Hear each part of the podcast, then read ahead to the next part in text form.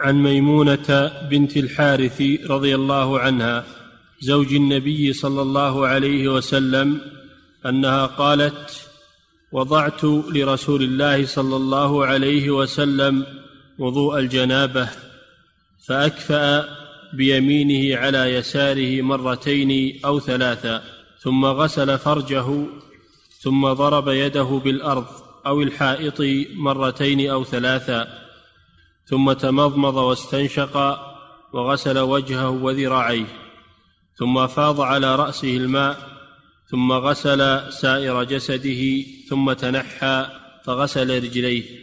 قالت فأتيته بخرقة فلم يردها فجعل ينفض الماء بيديه.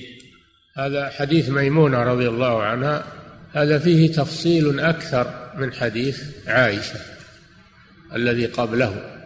فيه تفصيل أكثر. فيه أنها أعدت الوضوء يعني الماء لرسول الله صلى الله عليه وسلم. هذا فيه خدمة أهل الفضل. فيه خدمة أهل الفضل وإعداد الماء لهم للوضوء أو للاغتسال. وفيه صفة اغتسال النبي صلى الله عليه وسلم من الجنابة. أنه أول شيء يكفئ الإناء يعني الإناء صغير يكفئه بيده اليسرى على يده اليمنى ولا يغترف منه بل يكفي يعني يميل يميل الإناء حتى يصب على يده ثم يغسل كفيه ثلاثا أو مرة واحدة أو مرتين. هذا سنة مستحب. البداءة بغسل الكفين مستحب في الوضوء وفي الاغتسال. ثم غسل فرجه هذا الاستنجاء. ثم غسل فرجه بعد الخارج وهذا ما يسمى بالاستنجاء.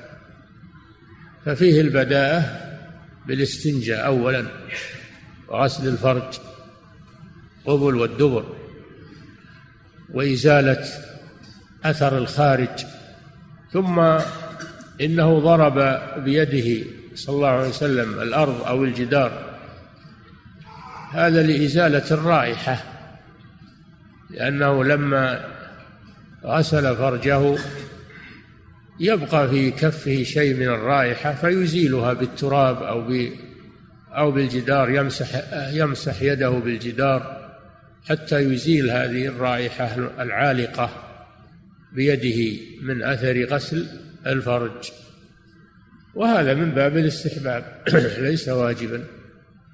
ثم إنه تمضمض واستنشق. بعد الاستنجاء تمضمض بفمه. أدخل الماء إلى فمه. ثم مجه ثلاث مرات. ثم استنشق في أنفه. أدخل الماء إلى أنفه. ثم نثره ثلاث مرات.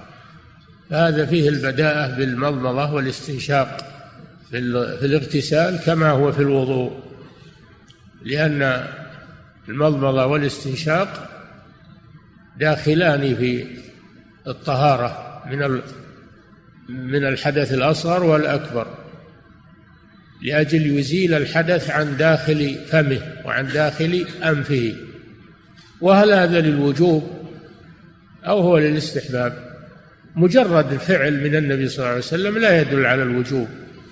ولذلك ذهب كثير من العلماء إلى أنه في ال... إلى أنه مستحب وليس واجبا. ولكن جاء الحديث كما سبق في الوضوء أنه أمر بالمضمضة والاستنشاق وقال بالغ في الاستنشاق إلا أن تكون صائما. فالأقرب والله أعلم وعليه جمع من العلماء أن المضمضة والاستنشاق واجبان وأنه لو لم يتمضمض ولم يستنشق لا يصح وضوءه ولا يصح اغتساله لأنه ترك شيئا من جسمه لم لم يغسله من الحدث لأن الأنف والفم في حكم الظاهر.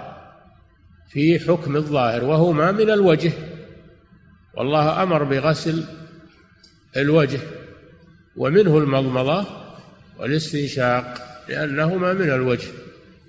ثم إنه توضأ عليه الصلاة والسلام وضوءه للصلاة.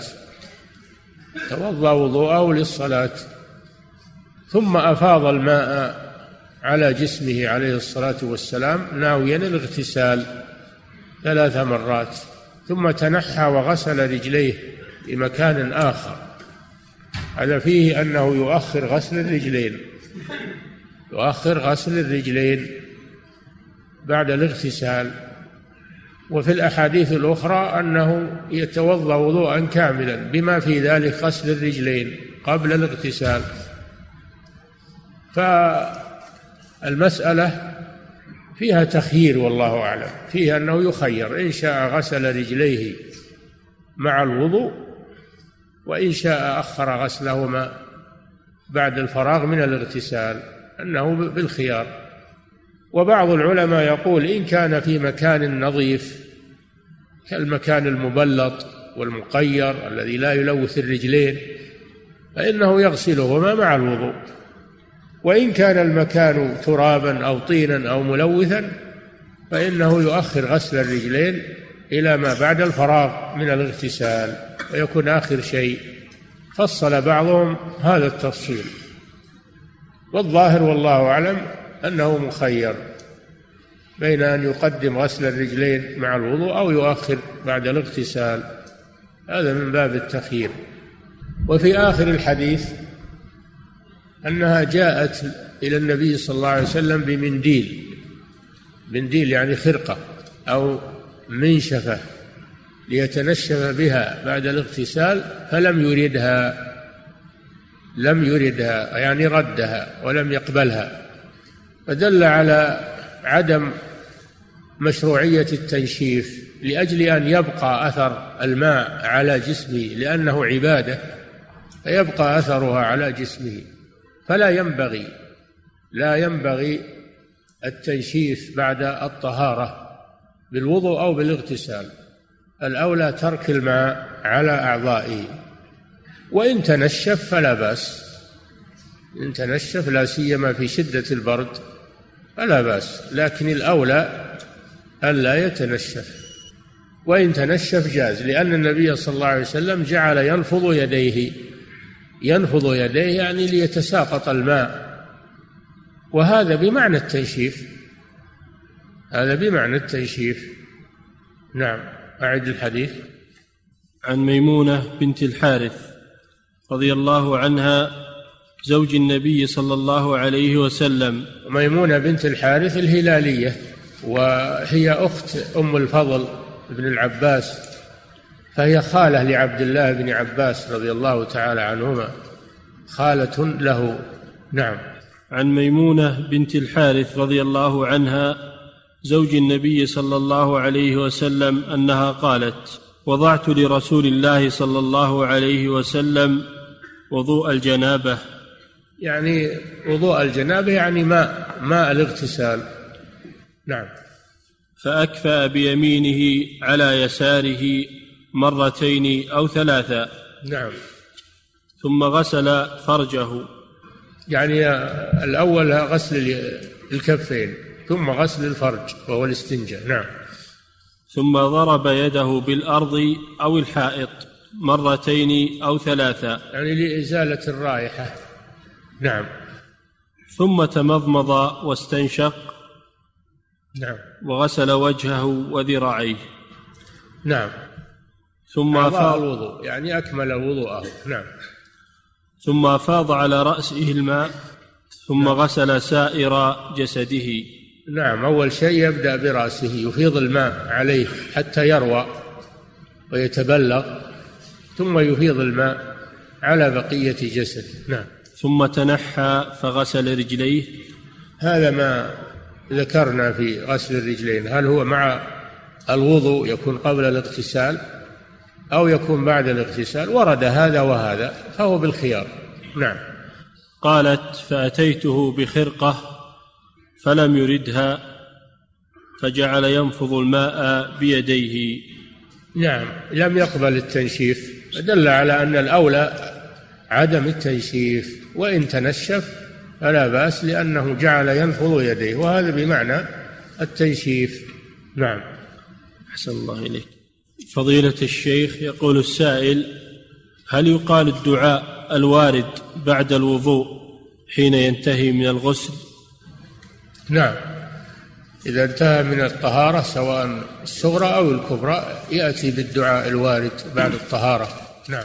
فضيلة الشيخ يقول السائل ورد في بعض شرح حديث الحديث وقوله فلم يردها أنه من الإرادة لا من الرد. إيه لم يردها من الإرادة. وش له معنى غير هذا. لم يردها يعني من الإرادة. لكن بعضهم يقول لم يردها. يحرف اللفظ يشكله بأنه لم يردها. وهذا لم يثبت عن النبي صلى الله عليه وسلم. لم يثبت عن هذا لم يثبت عن عائشة. نعم. الذي ثبت لم يردها.